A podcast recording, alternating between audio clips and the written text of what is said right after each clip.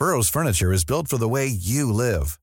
From ensuring easy assembly and disassembly to honoring highly requested new colors for their award-winning seating, they always have their customers in mind. Their modular seating is made out of durable materials to last and grow with you. And with Burrow, you always get fast, free shipping. Get up to 60% off during Burrow's Memorial Day sale at burrow.com slash ACAST. That's burrow.com slash ACAST. burrow.com slash ACAST.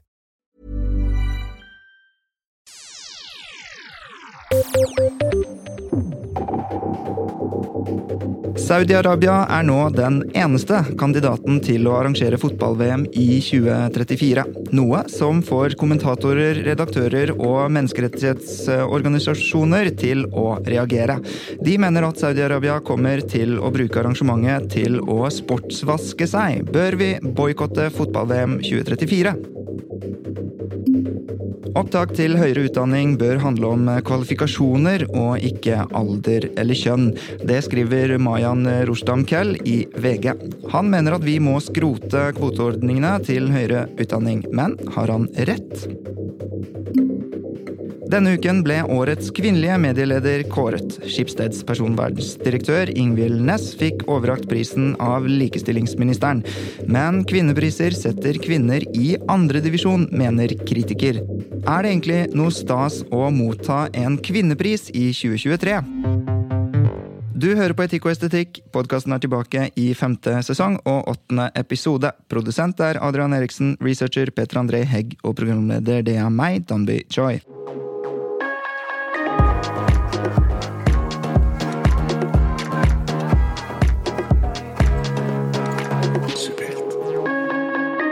Med meg i studio sitter ingen ringere enn sametingspresidenten sjøl, Silje Karine Muatka.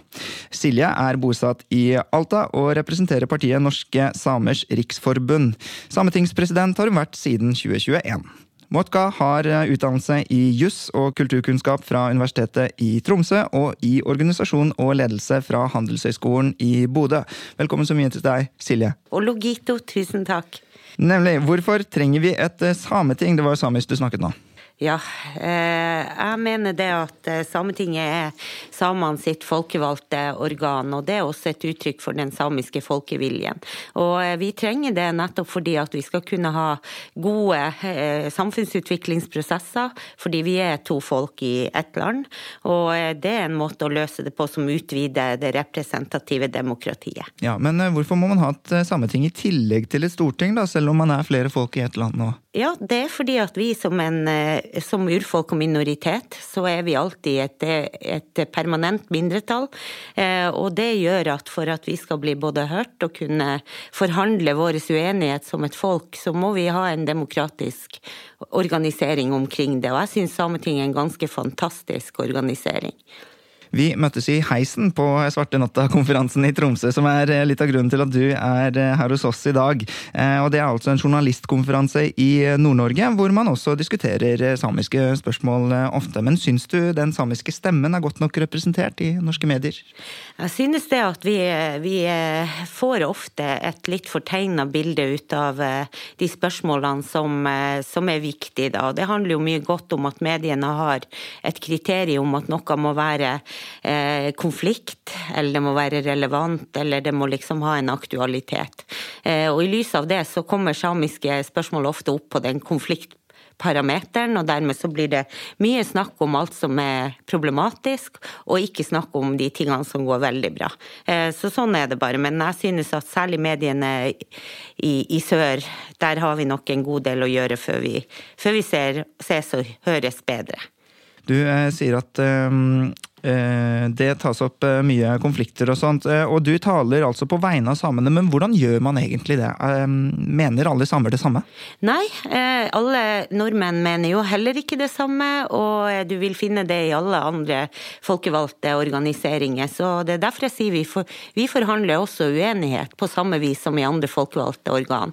Men jeg må gjøre mitt aller beste for å være sametingspresident for alle, både de som har valgt meg og de som ikke har, har stemt stemt på meg, og det er min oppgave og min forpliktelse. Men, men jeg styrer på en flertallsplattform, og det er jo særlig særlig forpliktende det da å prøve å gjøre rom for at uh, denne uenigheten At jeg ikke prøver å dempe den eller skjule den, men jeg legger til rette for det. For det er demokrati. Debatt er bra. Ja. Eh, apropos debatt, så var jeg altså på scenen på Svarte natt-konferansen med en Riddu Riddu-festivalsjef, eh, og som nevnte noe som jeg bet meg merke i. Hun sa at kunst og kultur eh, har en veldig, veldig solid forankring i samisk kultur generelt. Eh, at kunstnere liksom blir sett på som noe veldig altså De største kjendisene er kunstnere, liksom. Eh, og sånn er det jo ikke nødvendigvis i alle majoritetsbefolkninger eller i majoritetskulturer at kunsten har så solid plass og tydelig plassering. Hvorfor er det sånn at samisk kultur har satt kunsten så høyt?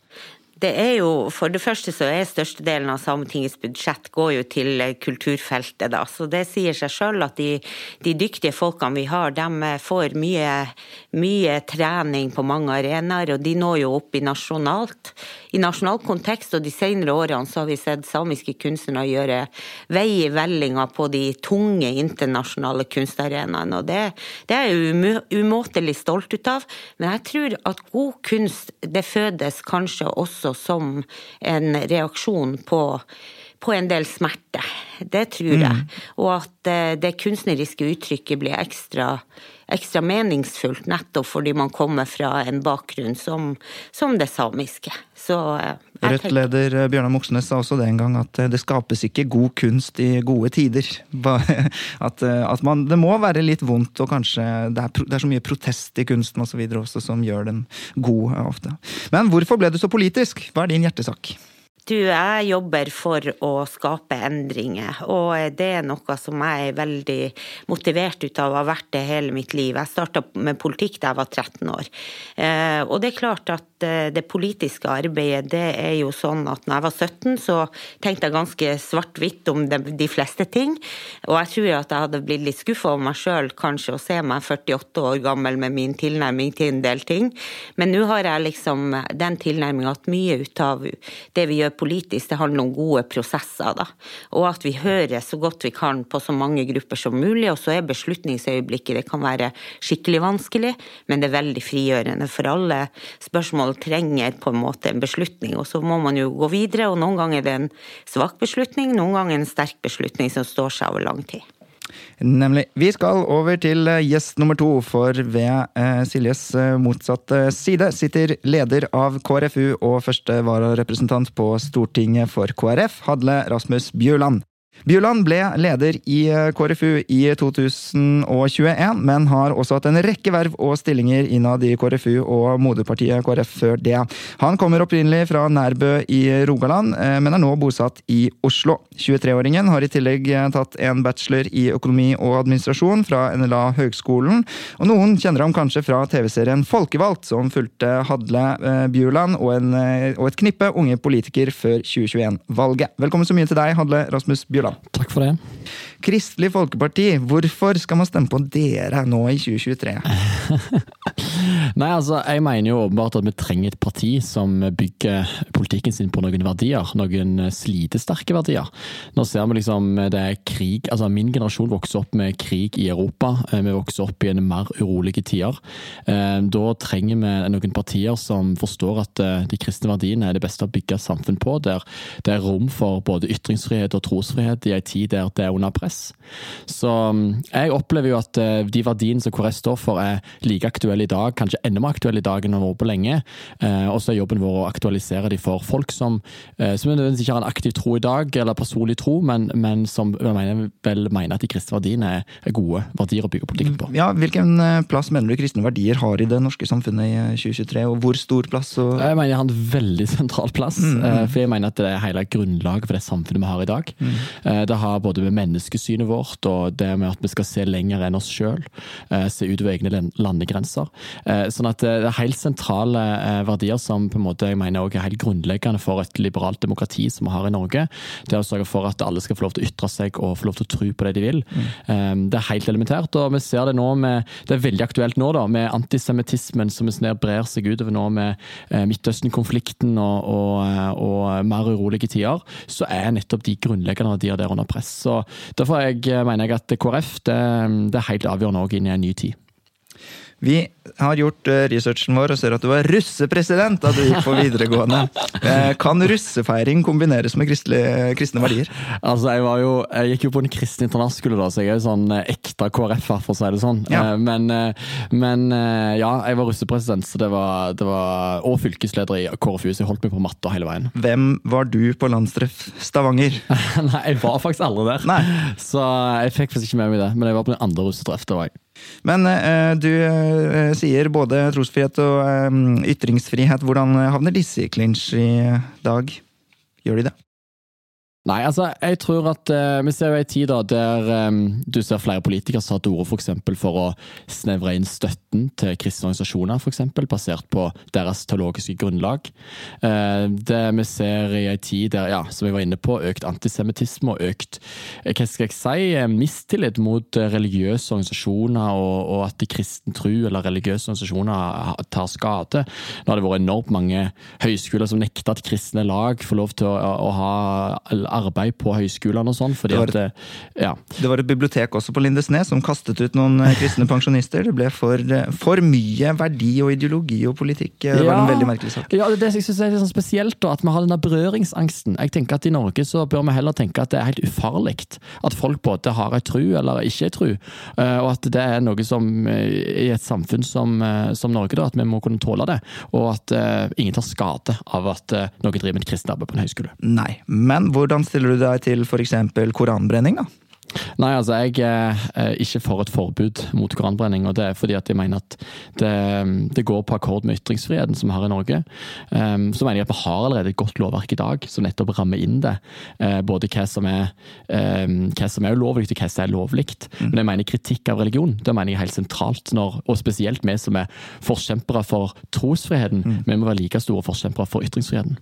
Nemlig. Hva, hvem var du eh, under, eller på landstreff i Stavanger? Feiret du i det hele tatt russ? Jeg feira russ. Jeg var, jeg var, også involvert i organisering av russefeiring, det var jeg. Men det er langt fra Vadsø. Er det to russepresidenter vi har i studio i dag? Jeg var ikke president, det, det var jeg ikke. Men jeg var med i, var med i redaksjonen i Russeavisa. Ja. Det var jo viktig å styre informasjonsflommen om seg sjøl, tenker jeg. Men det er langt fra Vadsø til Stavanger. Ja. Så vi var på russetreff i, i Tromsø, eh, og så begynte vi å studere eh, rett etterpå. Da husker jeg det at jeg kom inn i forelesningssalen på X-Fill, og så hørte jeg fra bakerste raden når jeg kom inn i forelesningssalen Russ 94!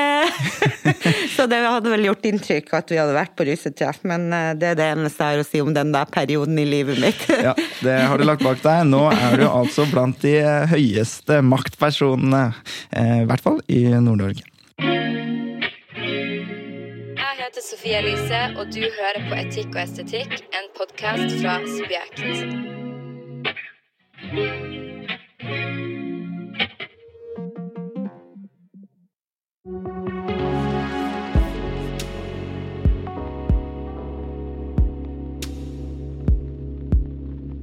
Saudi-Arabia er nå den eneste kandidaten til å arrangere fotball-VM i 2034.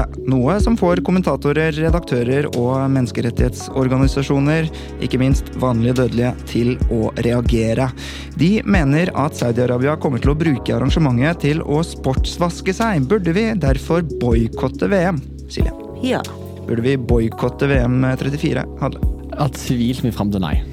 Og da får vi kanskje litt eh, debatt også. Hvorfor eh, mener du det? Må vi trekke inn så mye annet i fotballen? Ja, jeg tenker det at eh, det som er problematikken, er jo menneskerettighetsbrudd. Da. Eh, og det kan føre til at man får behov for å liksom sportsvaske seg som stat og nasjon, men det er klart at akkurat menneskerettsbrudd er i særstilling.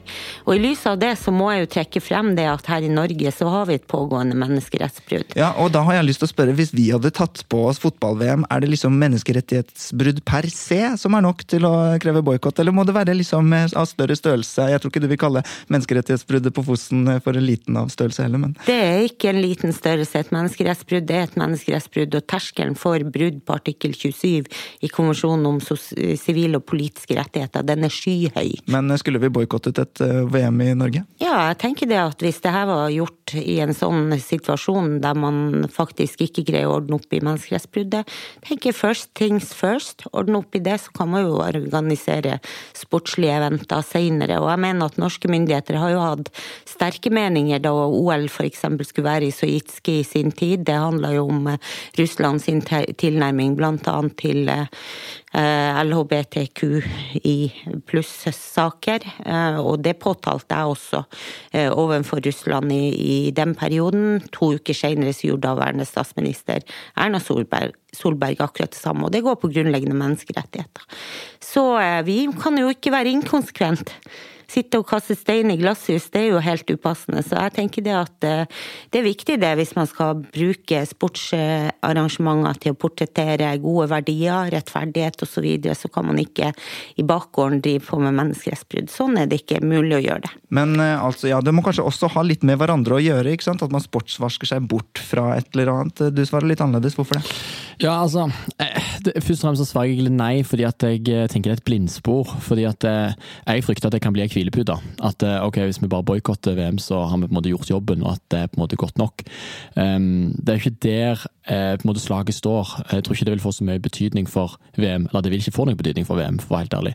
Um, sånn at jeg tror at eh, det som Lise Klaveness har gjort nettopp med å adressere kritikken mot Fifa, og måten de tildeler disse landene på, det er jo der problemet ligger. At Fifa er korrupt og lar, lar seg kjøpe og betale av Saudi-Arabia. Og denne prosessen her har jo vært veldig kritikkverdig hvordan Saudi-Arabia har blitt tildelt dette ut forbi det som egentlig var planen, og kom mye tidligere på banen. og Det fantes kort søknadsfrist. og ja, Det er mange moment her. Vi må komme inn på det, men, faktisk. Ja, mm. men, men, poenget mitt var liksom bare at eh, jeg, jeg, frykter at det, og boikotting er et blindspor. Jeg tror at eh, vi må heller Og så, må, så vi, kan vi være enige om at alle, om du er for eller mot boikott, så er vi like mye mot brudd på menneskerettighetene. Men det, nå er det sånn at de, de driver med brudd på menneskerettighetene, og så er det liksom så tydelig, kanskje, at de vil sportsvaske seg. Altså, jeg synes det, Man bruker det så veldig aktivt. Kan man ikke da aktivt også svare på akkurat den størrelsen?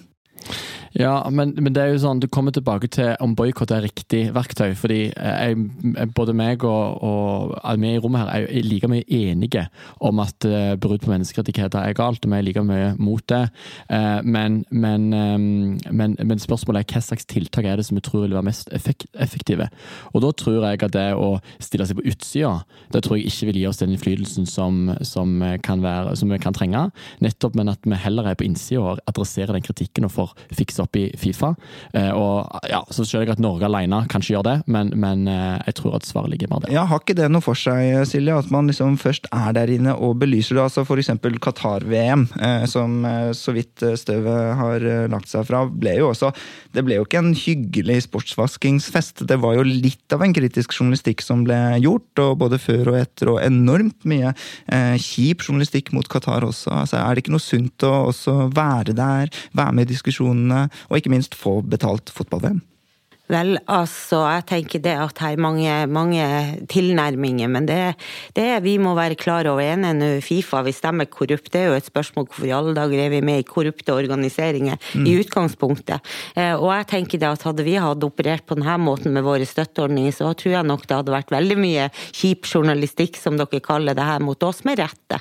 Eh, men det vi ikke kan legge skjul på, det er jo det at eh, de sportslige evenementene her, de har bevega seg veldig, veldig veldig langt i en kommersialiseringa er gigantisk.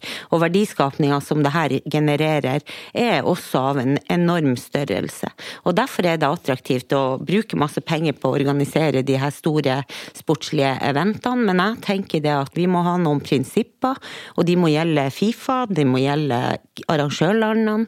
Og vi kan jo ikke ha det sånn at vi fester på menneskeretts i, i skyggen av menneskerettsbruddet. Det går ikke annet. Eh, det er rett og slett ikke riktig. Men så er det også sånn at de nå er eneste kandidat, og vi skal komme tilbake til hvordan de kom seg dit. Eh, om det er korrupsjon eller om det er eh, lobbyisme, og vellykket lobbyisme er man jo litt uenige om. Men, men f.eks.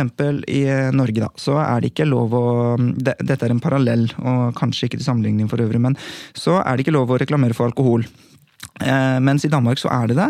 Eh, og det som er bra med det i Danmark, da, er jo at f.eks. Roskildefestivalen får et enormt overskudd fordi at eh, underskuddet er dekket av, eller kostnadene er dekket av Tuborg.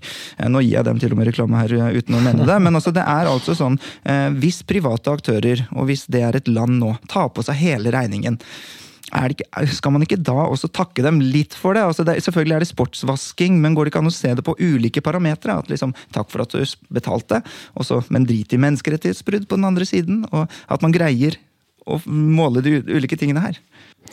Nei, altså, jeg ehm, jeg tenker sånn at uh, det som Saudi-Arabia, de menneskerettighetsbruddene som Saudi-Arabia begår, uh, det skal vi ikke ta noe lett på. Jeg mener at ingen skal på en måte uh, At vi skal være forsiktige i kritikken mot det. Jeg mener at jeg mener bra mediene må gjøre jobben, sånn som vi gjorde med VM i Qatar. Vi må belyse det. Altså, sånn, dette må ikke på en måte bli, bli, gjemt vekk. Men risikerer vi å bomme på kritikken når det går utover fotballen og, og betalingsviljen der, og at noen tar hele regninga? Kan ja, vi ikke ta de kampene på andre baner? Ja, eller sånn det, i hvert fall Jeg mener at uh, vi må være forsiktige med den type uh, boikott-tilnærmingen. fordi det som er på en måte så fint med fotballen, er at du møtes på kryss og tvers av både religion, etnisitet, bakgrunn. Det er på en måte et mangfold. Og det gjør at når vi velger å, å ha VM i ulike land, så må vi akseptere at andre land har andre verdier enn det vi i Vesten har. Mm. Og da må vi deale med det. Et litt sånn eksempel på det var sånn så i VM i Qatar så serverer de ikke alkohol. Eller det var iallfall en debatt om, om ikke alkohol på stadion. og mange mente at det var en grunn for å boikotte. Det mener jeg er rart, fordi det handler om kulturforskjeller. Mm. Men så på en måte eh, blir den debatten noe annet når det handler om menneskerettighetsbrudd, åpenbart. Ja. Da, da stikker det seg dypere. Da mener jeg at det må komme andre krav på banen. Men jeg, ikke, jeg tror fortsatt ikke boikott er et svar. Eh, Møtegå det. Jeg tror heller det må adresseres mot Fifa, og mot Saudi-Arabia, åpenbart, men eh, gjennom deltakelse. Vi har en journalist her som eh, under researchen rett og slett ble mektig imponert eh, eh, over hvordan Saudi-Arabia lobbet seg frem til å få dette VM-et i 2034. Det var, ja, Han studerte for øvrig også lobbyisme. Men måten Saudi-Arabia ble eneste kandidat til å arrangere fotball-VM i 2034, det får sterk kritikk. Hold tunga rett i munnen. Spania, Portugal og Marokko fra altså Europa og Afrika ble først tildelt VM i 2030 altså året konkurransen før. Dette var det i konkurranse med eh, Argentina, Argentina, Chile, Uruguay og Paraguay fra Sør-Amerika om.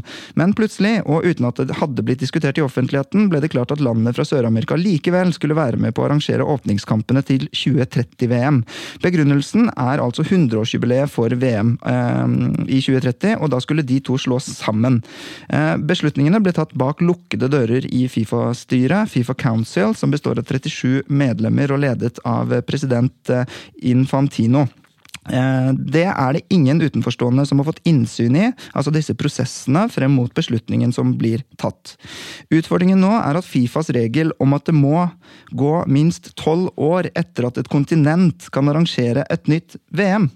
Eh, så når Nord-Amerika arrangerer VM i 26, og når Europa og Afrika og Sør-Amerika slås sammen som arrangør i 2030, så er det bare Asia og Oceania igjen. Eh, og i Oceania, som ikke er et veldig landerikt kontinent, så er det egentlig bare Australia. Og i Asia er det altså kun Saudi-Arabia.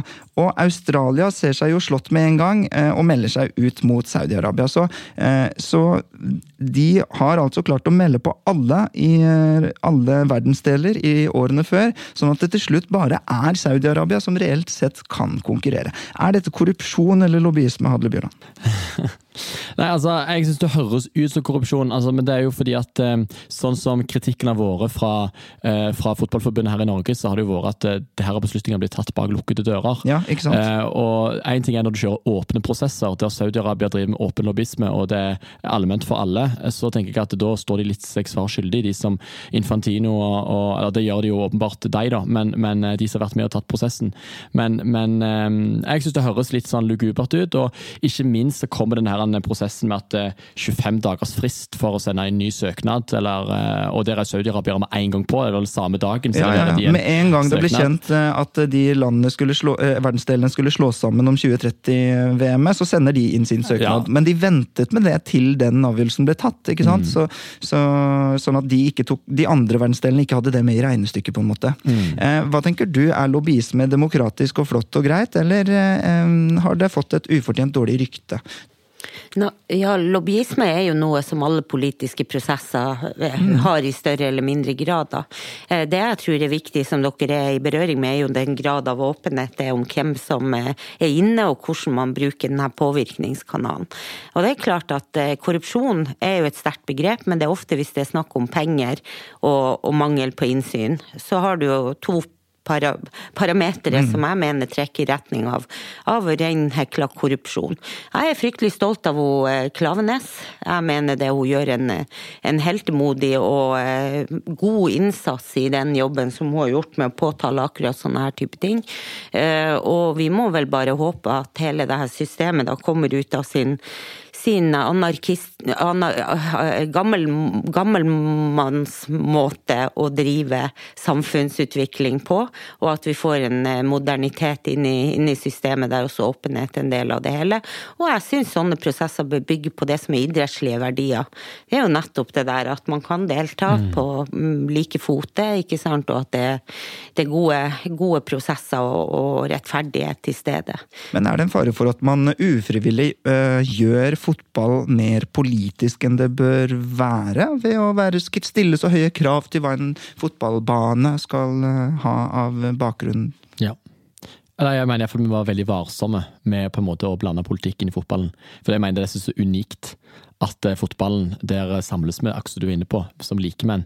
Eh, og vi møter Vi kommer der eh, på kryss og tvers av bakgrunn og, og, og, og meninger. Gjør vi det? Ja, nei, jeg syns at det er ganske mye politikk, da.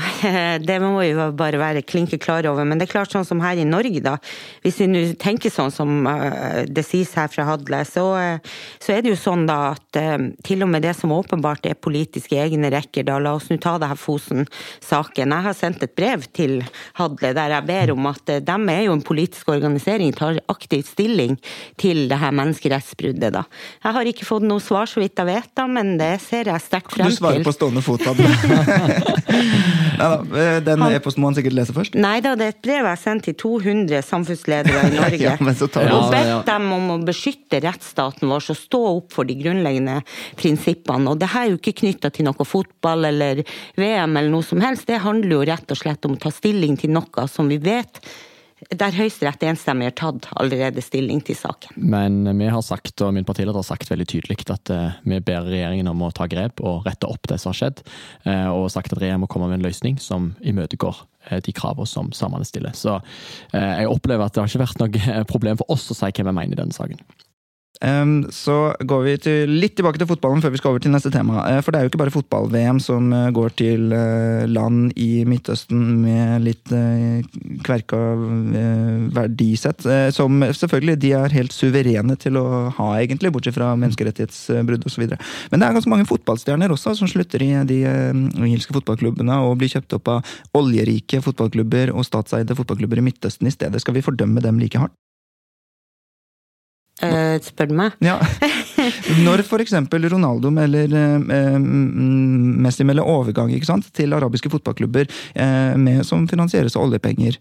Og hvor, hvorfor er vi sånn mot andre land, når vi, når vi også, sant, i Norge, så er jo Kulturrådet også oljepenger, og det er for øvrig også fis, uetisk fiskeoppdrett og våpensalg. Altså, hvor går grensa? Er det rundt oss sjøl? Ja, eh, det er, det er, gode spørsmål. Nå er det jo vanskelig for meg å uttale meg om Ronaldo og Messi. Jo, dette må du kunne. Nei, jeg skal være veldig ærlig at, at, jeg pleier å gjøre litt andre ting når det er fotball på TV. Ja. Så nå, eh, han, eh, min kjære ektemann, han, han, blir vel å reagere hvis jeg begynner å uttale meg hardt her. Men jeg, jeg, tenker det at det er jo viktig å vurdere hva slags arbeidsgiver du skal ha, da. Men det er klart at det der må jo bli deres egen vurdering, sånn sett. Så, så det kan man det, det, det er liksom et forhold forhold som ikke, ikke, ikke kanskje er så lett regulert for, eh, fra, fra, en, ja, fra statlig hold eller fra oss som nasjon da, i Norge. Ja, eller sånn. Jeg tenker i hvert fall at det lener stort ansvar på de spillerne, eh, og at de har veldig mye makt. og dermed Vi sitter at, vi kan, kan diskutere veldig mye om hvorvidt Norge skal boikotte VM eller ikke, men vi spiller veldig liten rolle i det. Men fotballspillerne som, som spiller på toppnivå, i, eh, har enormt mye innflytelse på både hvordan ja, på Fifa og på hvordan fotballen blir innrammet inn. Så jeg tenker i hvert fall det lener et veldig stort ansvar da, på de, de folka som velger å gjøre dette. Yes, Vi konkluderer ved at det er et stort ansvar der, så velg norskolje og ikke arabisk. Yo! Det er Uge Marstein eh, her, fra Undergrunn Klikk. Du hører på Etikk og estetikk av Subjekt. You know the shit.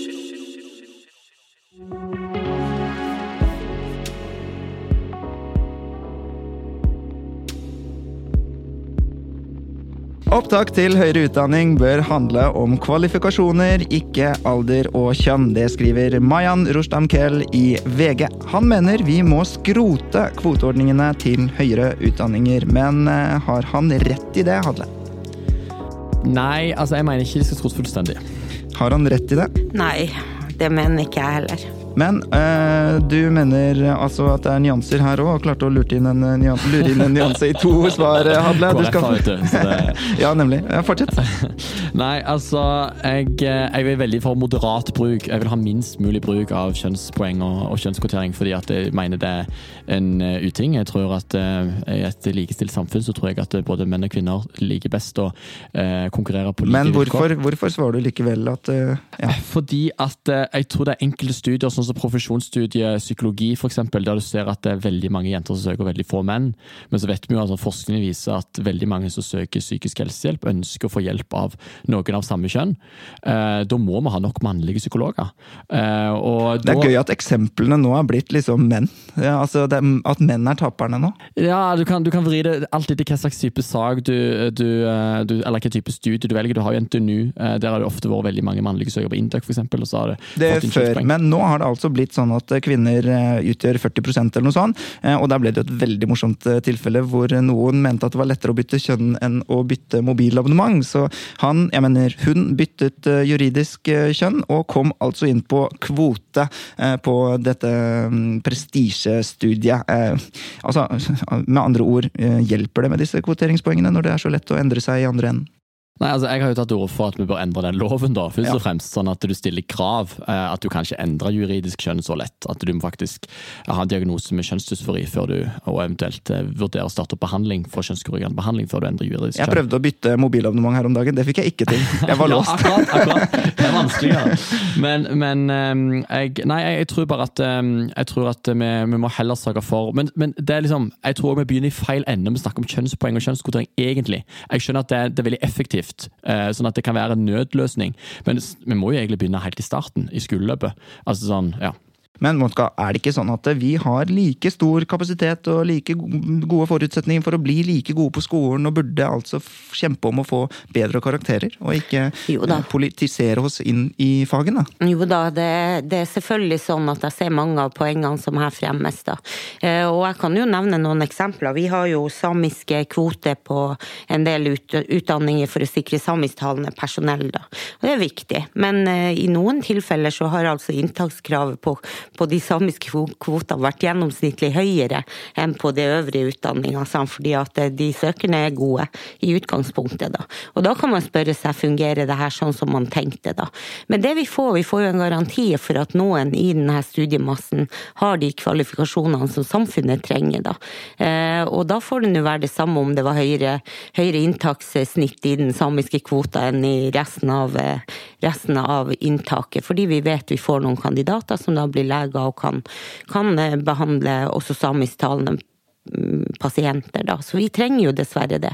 Og noen utdanninger har jeg jo nevnt et par, men barnehagelærerutdanninga, her har vi jo eh, et stort behov for å få inn eh, flere menn. Årsaken til det Altså, gutter og barn i barnehagen har rett til å ha eh, også mannlige barnehagelærere. Men eh, samisk talende skjønner jeg jo, da snakker man jo en kompetanse. Da er det jo bedre kompetente, rett og slett. Hvis du søker på en jobb og så trenger man en samisktalende, så ansetter du ikke en ikke-samisktalende hvis det var det du søkte etter. Men er det en verdi i seg selv at en lege er samisk? Altså Hvis jeg hadde hatt en kreftsvulst, da, så hadde jeg gått til en lege, eh, og så hadde legen min vært kvotert liksom sånn ja ok, han eller hun er han er, eller hun er kanskje ikke verdens beste på kreft, men han er i hvert fall homo. Det hjelper meg pent lite, liksom. Ja, men det her er faktisk et spørsmål om pasientsikkerhet og, og, kommunikasjon om når du er på ditt aller mest sårbare. Da. Og jeg kan fortelle at det er veldig masse om hvordan du forstår ditt eget sykdomsbilde, som har betydning at det korresponderes på ditt eget eh, språk. Men det er klart du må ha spesialistkompetanse for de særlige tilfellene, da. Men det er et eller annet med om du skal være allmennlege eller spesialist. Og her tror jeg nok det, det, det er mye å ta av. Men eh, jeg ville nå ikke hatt noe bekymring om min samiske lege var kvalifisert. Som sagt så har de ofte høyere snitt enn ja. resten av de her. Ja, ja, jeg, tenker jo, jeg tenker jo at uh, selvfølgelig så ja, Er ikke alle for en viss moderat kvotering sånn egentlig, men eh, liksom ikke fullstendig? Hvis du ser på disse veldig prinsipielle uh, konservative folkene som mener at man ikke skal kvotere, så er det jo bare å nevne medisinstudiet uh, eller psykologistudiet, og at det er kvinner som overtar fullstendig, så mener de også at kvotering skal være greit. da. Blir litt redde, da. Ja, da blir det litt redde. fordi at, nei, ja, men, men, har det noe for seg? Altså Hvis, eh, hvis en uh, har gått gjennom et veldig vanskelig brudd, da, og så, og så er det også en mann, så kan jeg jo forstå, selv om det er irrasjonelt, at man har lyst til å gå til en annen mann og snakke om dette. Ja, ja. Eh, og, at, ehm, og at, det er liksom, det viser jo forskningen, da. At det er et ønske fra veldig mange. og Da tenker jeg at da bør vi etterstrebe at det er mulig å få den hjelpa. Eh, men, men, eh, jeg bare mener at kjønnspoeng og kjønnskvotering er jo egentlig sånn Jeg føler det er sånn lappetiltak som på en måte er siste instans hvis vi ikke har gjort noe annet før. Men jeg mener problemet er jo at vi har en skole i dag der ungene begynner på skolen altfor tidlig. De begynner når det er seks år. I dag så vet vi at veldig mange gutter spesielt henger etter fordi at de, de blir satt inn og skal pugge og sitte sitter på en, bak en pult, og så er de ikke gamle nok og modne nok til å ta inn læring på den måten. Så vi har jo sagt at vi ønsker å heve, eh, altså øke aldersgrensa til sju år, sånn at du begynner når du er litt eldre. Eh, og Det er fordi at nettopp guttene må ha en skolegang som er mer tilpassa deg, så vi får flere gjennom skoleløpet. Og da, eh, da, tror jeg kanskje du kan være med å utjevne noen av de forskjellene som vi ser i dag, der guttene i dag blir skoletapere. Da må vi nødt til å sette inn tiltak tidligst mulig. Eh, det er for seint å begynne å legge på noen poeng helt på slutten. Ja, jeg kan jo si det at det, det, her er jo en måte å tenke på, men en annen måte er å tenke på om de her poengene skal være det eneste man baserer opptak til sånne type utdanninger på. Det er nå greit hvis du, hvis du, er god i alle skolefag, da, men i sånne profesjoner der du har med mennesker å gjøre, så kan det jo være veldig viktig at du er, er god med det menneskelige også. Det får vi kanskje ikke målt i mange av de her eh, skolske fagene. Sånn Nei. at eh, men, kanskje vi skulle mm. ha gjort noe med at du seinere i livet kan gjøre utdanning utdanningsvalg, og der du kan på en måte komme inn i, i vurdering til å kvalifisere deg i yrker der du kanskje kunne gjort det veldig godt, men hvor du i tidlig skole skolealder ikke var så motivert for det. Altså, Jeg lever opp til stereotypien min som koreaner og fikk sekser i matte. Og så fikk jeg treer i norsk, men jeg endte opp med å ikke bruke matte noe som helst, og norsk hver eneste dag. Og jeg hadde de eh, tatt meg opp til en opptaksprøve og motivasjonsbrev, så hadde jeg slått bra ut. Mm. Eh, det er jo det også eh, Maihan Rostam Kell argumenterer for. Han mm. er for øvrig aktiv i Høyre Studenter og Den konservative studentforening. Han ønsker at man gir universiteter og høyskoler mulighet til å inkludere opptaksprøver, slik at vurderingen vurderingen ikke kun baserer seg på karakterer fra tidligere skoleår. Men det innvendes da eh, at eh, det også kan være problematisk, selvfølgelig. Som da Markus Johan Møyland de Boer brukte to år på å forbedre karakterene sine for medisinstudiet, til tross for 21 seksere på vitnemålet, så seg forbigått av en som bare gjorde et sinnssykt bra intervju. Ikke sant? Hvordan løser man det her? Ja, det er vanskelige spørsmål, men det her er jo som arbeidsgiver òg, så står man jo i det skillet der man jo kan gjøre feilansettelser og det ikke var en god match. Det oppsigelsesvernet gjør det krevende å skulle endre på det uten videre. Og, og her er sånne balanserte saker der man er nødt til å prøve å legge en helhetlig vurdering til grunn. Da. Og hvor godt og dårlig man gjør det, det er nå like godt og dårlig som man utgir karakterer i en del samfunnsfag. Det kan variere veldig stort. Ja, altså jeg synes motivasjonsbrev er et spennende, spennende, forslag. Jeg tror at i enkelte studier, i enkelte yrkes, uh, yrke, så tror jeg det kan være uh, egentlig fornuftig. Der du liksom uh, er nødt til å legge vekt på menneskelig kontakt, menneskelige relasjoner og egnethet. Så kan nettopp en sånn type ordning være med å sile ut. Problemet i dag er jo at veldig mange tar jo opp fag, mine venner inkludert, tar jo opp mange fag, sant? og så bruker du mye penger på det, og så blir det kun de som har mest mulig penger penger som, som har råd til å som, som, kommer inn på de studiene som er veldig høyt snitt på. Så jeg tenker, det, jeg tror vi må gjøre noen endringer i opptak for høyere utdanning. Men jeg tror det må være en moderat kjønnskvotering i det, selv om jeg vil ha minst mulig bruk av det. Vi, vi konkluderer ved det mest politisk korrekte svaret. Jeg tror vi må gjøre noen endringer.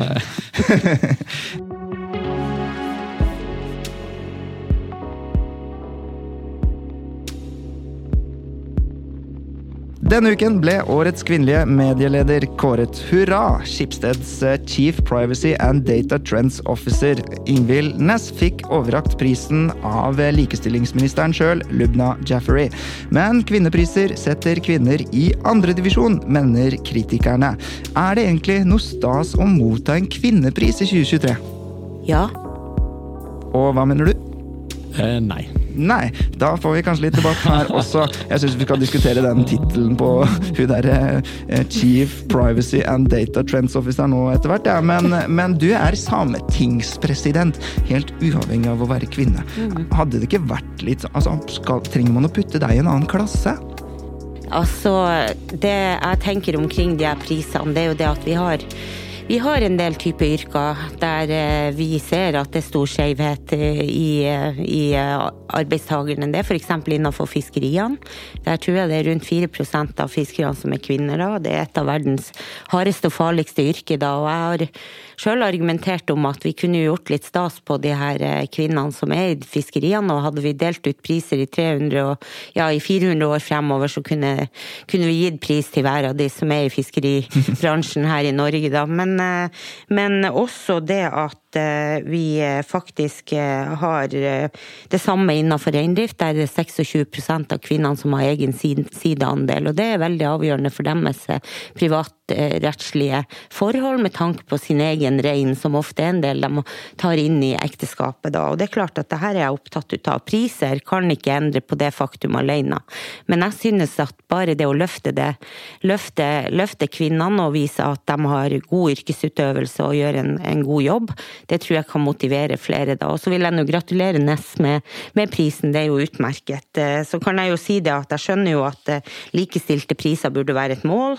Og det å ha kjønnskategorier er jo ganske binær tenking, for å bruke det begrepet. Så, så jeg ser jo det at det, den, den tenkinga, det er jo liksom et element med det å skulle ha eh, kjønnsnøytralitet som utgangspunkt.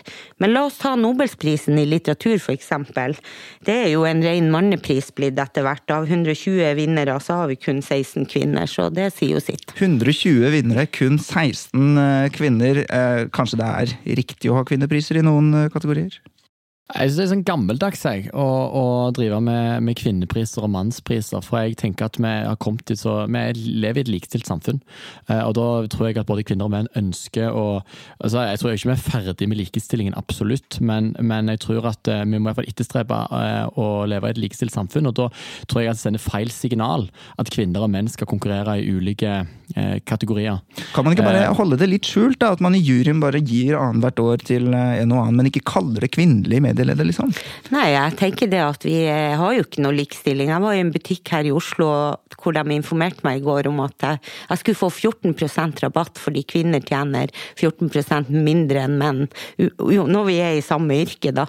Eh, og det var deres måte å sette fokus på det her, da. Og jeg tenkte med meg sjøl at ja ja, det, var, det, det er nå et faktum som Men så er trasig. Altså, så tjener du altså bedre enn han som satt i kassa der? Ja, det gjør jeg absolutt. Det er absolutt. Men jeg bare nevner nevne det. Altså, jeg tenker at vi må jo se det som en samfunnsdel, ikke, ikke nødvendigvis det som skjer med Vi har kvinner som tjener godt og er ledere, og, og eh, vi har i Sametinget har vi jo hatt et stort flertall med kvinnelige gruppeledere, og vi er 50% kvinner og menn omtrent på tredje perioden. Men vi skiller oss ut i, i det folkevalgte Europa, og vi har hatt EU-kommisjoner eh, e oppe og studerer dette fenomenet. Men vi gjorde aktive grep for tre perioder siden, for da var det sju av 39 som var kvinner av representantene. Og det å komme til 50-50% blant, blant representantene våre, det var en jobb som men, vi måtte men, gjøre. Men La oss holde oss til medieprisen. fordi at eh, i mediebransjen, Jeg sitter jo i styret til Oslo Redaktørforening og ser hele tiden, altså hver, hvert møte så ser vi hvem som går ut, hvem som går inn. Og det er alltid menn som går ut og kvinner som går inn. Mm. Eh, og nå er, begynner det å likestille seg veldig. Så kan det hende at ja, vi trengte det før, men ikke nå lenger. At eh, liksom, nå har de utspilt sin, utspilt sin rolle. Ja, mm. eh, og ja, la oss være enige om det at ja, altså, vi er ikke ferdige med likestillingskampen i Norge, men jeg bare mener at det, det å drive med kjønnstelte priser er egentlig bare med å svekke likestillingen. For du sender jo signal om at eh, damer eller med, eh, damer ikke kan stille i de samme kategoriene som menn. Mm. Jeg mener ja. Det er en helt merkelig tanke. Jeg synes det er helt åpenbart Hvilket at, signal sender det? Ja. Mm. Ja, nei, jeg tenker at priser er jo ikke Det skjer jo bare unntaksvis, men det å få gjort noe med lik lønn, lik lønn for likt arbeid er jo, burde være maktpåliggende før man begynner å konkludere med at vi har likestilling her. Det er et veldig kontroversielt tema hvor mange er uenige om altså, årsaksforholdene her. Men altså, det er 4 av eh, fiskerne som er kvinner, og så kan man jo spørre seg om det faktisk er sånn at det er like mange kvinner som vil bli fiskere som menn. Det er sikkert mange som vil det. Det er jo en anselig og ikke minst inntektsgivende jobb Eh, ikke minst. Men så er det jo også sånn at 4 sikkert er antallet kvinner blant eh, søppeltømmere også blant, sant, blant eh, mange yrker man kanskje ikke ønsker å være likestilt på? eller? Jo, altså jeg mener det at vi må jo prøve å gjøre det mulig å kunne være yrkesutøver innenfor de fleste, fleste bransjene, da. Og eh, når det gjelder eh, yrkesvalg og sånn, så er det jo selvfølgelig sånn at det er mange ting som styrer hvor du havner i livet. Jeg, jeg gjorde, hadde sommerjobb i brannvesenet en gang. Jeg kan jo si at mottakelsen der den var nå litt blanda som akademiker og 1,59 høy kvinne, da. Eh, det var tungt å bære pumpene. Jeg hadde for små hender til å skru i hop de her pumpe, pumpeslangene. Men jeg, jeg brukte hjelperedskaper og klarte meg veldig, veldig godt. Men det er klart, jeg tenker de erfaringene der Et arbeidsmiljø er bra hvis vi har et visst mangfold i, i arbeidsmiljøet, og jeg tror det kan gjøres like bra og like riktig eh, hvis at vi fortsatt jobber for å bidra til å utjevne det. Så får man jo diskutere hva som skal konstituere den konklusjonen at vi har likestilling.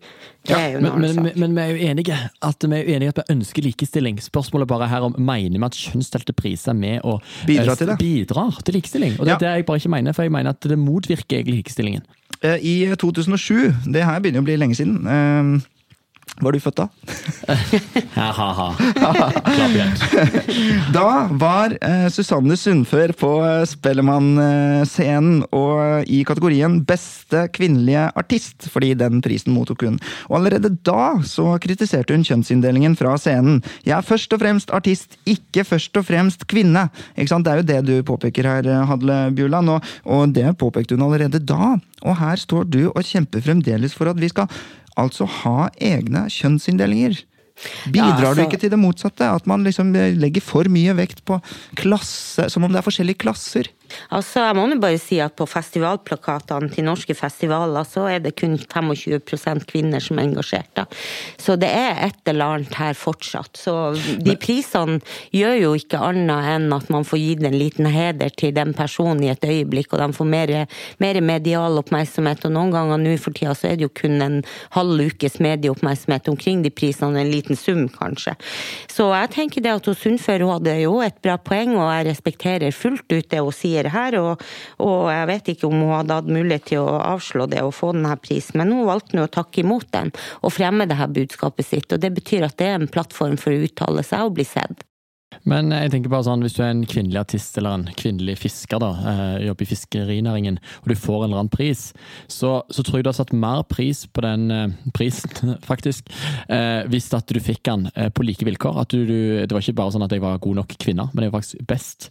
Eh, og det er det jeg på en måte syns er så rart eh, med, med, med resonnementet her, fordi jeg, jeg tenker at La oss nå være enige om at alle liker vi for likestilling, men, men jeg tror at ja, at artister Eh, jeg tror at skal vi sørge for flere kvinnelige artister i, og flere kvinnelige fiskere, så må vi heller sørge for andre tiltak for hvordan vi kan opprette miljø for det. Hvordan vi kan um, sørge for at ja kommer inn på studiet. Jeg tror det er liksom litt andre type mekanismer enn at vi skal gi kjønnsdelte priser, der du egentlig sier at kvinner er ikke gode nok til å konkurrere i samme kategorien som menn. Men har hun ikke også et poeng når man ser at eh, det bare er 25% kvinner på festivallineupen, at man kanskje skal veie det opp litt med tiltak? Jeg vil nevne liksom, fordi Hvis utviklingen er sånn at vi ikke lenger skal ha kjønnsdelte priser, så er det ikke sånn at det i alle tilfeller har vist seg å tjene det målet hvis det er likestilling. da. Fordi i 2022 fjernet Brit Awards eh, kjønnede kategorier. De kvittet seg med beste kvinnelige og mannlige artist, og eh, delte ut årets artist i stedet. Og vet du hva som skjedde året etterpå? Ingen kvinner ble nominert! Nei, så, og Da tenker jeg, da har det svikta litt, men da tenker jeg at eh, da er det andre tiltak som jeg mener svikta i forveien her. Altså sånn, Hva er det som gjør at det bare er menn som blir nominert? Da eh, må vi sørge for at det er flere kvinner som velger å, å, å, eh, å være med å konkurrere om disse prisene. Eh, og ikke minst eh, opprette et miljø sånn at det er mulig for kvinner å konkurrere på like jeg skal, jeg skal ta det mest upopulære taket her som vanlig. Altså, Kan det stemme at eh, i år da, for Brit Awards så var det ikke noen kvinner som lagde like bra musikk som menn? Ja, så jeg vil nå Der jeg føler at jeg har litt svakt vurderingsgrunnlag for å kunne uttale meg om om det hadde vært kandidater i Brit Awards eller ikke. Det er et arrangement jeg overhodet aldri har sett på, så det blir helt, helt fjernt. Men jeg syns det blir så interessant da vi skal diskutere andre tiltak hele veien. Og de her prisene er jo på en måte, som jeg sier, et øyeblikks anerkjennelse, en klapp på skuldra osv. Og, så og eh, en plattform for å uttale seg. Og det å gi en stemme, et fjes til, til noen som gjør en god jobb, eh, hvordan kan det ha blitt et så kontroversielt tiltak at man skal fjerne det, da? I idrettsarrangementer så konkurrerer jo kvinner og menn i forskjellige kategorier. Det er jo grunner til det, da. De er jo biologisk åpenbare, kanskje. Jeg har vært eh, med i styret for et, et idrettsarrangement som ikke der menn og kvinner konkurrerer på like fote. Det er Finnmarksløpet. Eh, Og det er tøft. Det er et hundeløp. Et av Nord-Europas, det er Nord-Europas lengste og tøffeste hundeløp. Eh, Og kvinner vinner også i, i like mye som menn i, i, i det her løpet. Så jeg tenker det at eh, det, de her tiltakene som hele tida nevnes, det skal nå da gjøres om på juryen, da. Jeg syns jeg ser for meg da at vi skal begynne å, å, si at ok, men i denne juryen så skal vi da heller ha regler om, om eh, hvordan det skal være. Vi har jo det allerede for aksjeselskaper. er Ja, men vi har det allerede for aksjeselskaper her i Norge, og det er faktisk sånn at vi er langt unna å innfri og for offentlig utvalg hvor det skal være likestilt eh, med tanke på oppnevning. Det brytes hver eneste dag i det landet. Men vi kan være enige om én ting, og det er at eh, der kvinner og menn konkurrerer med for eksempel biologiske forskjeller, sånn som for eksempel idretten, så er det helt åpenbart at du har kjønnsdelte priser. Sånn at La oss være enige om én ting. Her snakker vi om eh, der menn og kvinner konkurrerer på like vilkår, så mener jeg òg at de bør eh, få de samme eh, mulighetene for å vinne de samme prisene. Nettopp. Uh, apropos eh, priser og kjønnsdeling og sånn, så det, blir, det er jo ikke enkelt her, fordi man sier jo at eh, du sier jo at man skal ikke sant, helst ikke ha det, så i hvert fall i de klassene hvor man konkurrerer på like vilkår, men så skal man ha det. Jeg forstår, jeg kjenner meg igjen i resonnementet, uh, men det, liksom, prinsippmessig blir det vanskelig. Og hvor langt skal man dra det? Når man begynner sånn, skulle man hatt en egen for minoriteter og en egen for ikke-binære, egen for uh, transseksuelle. Og apropos sistnevnte, så må jeg jo nevne at det, Kim Kardashian vant Årets mann. Tittelen i eh, GQ. Eh, og de, både de og Time, eh, som har Man of the Year-priser, har tradisjon for altså, at en kvinne kan vinne den tittelen. Og det syns mange liksom bare er kult. Og så er det jo andre veien, da, hvor ikke sant, Caitlyn Jenner, faren, nei, stefaren til Kim Kardashian, altså ble årets kvinne.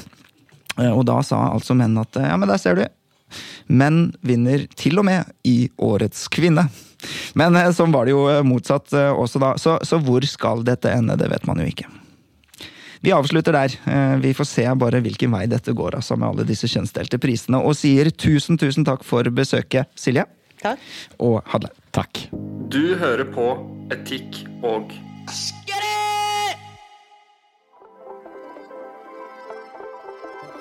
Tusen takk til eh, gjestene som eh, nok en gang eh, bidrar med kunnskap og klokskap til subjekt og etikk og estetikk. Vi håper at du kan følge oss der hvor det er relevant. På Facebook så har vi også en egen Facebook-gruppe som heter Etikk og estetikk. Der diskuterer vi samtaleemner som er eh, relevant for podkasten, rett og slett. Eh, Og for eh, subjekt, eh, selvfølgelig.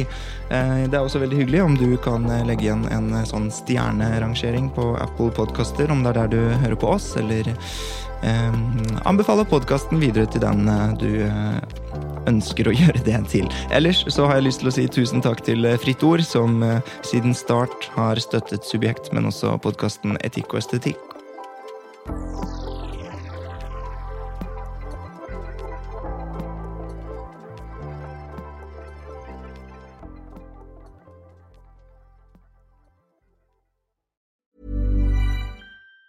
Planning for your next trip? Elevate your travel style with Quince. Quince has all the jet setting essentials you'll want for your next getaway, like European linen, premium luggage options, buttery soft Italian leather bags, and so much more. And it's all priced at 50 to 80% less than similar brands. Plus, Quince only works with factories that use safe and ethical manufacturing practices. Pack your bags with high-quality essentials you'll be wearing for vacations to come with Quince. Go to quince.com slash trip for free shipping and 365-day returns.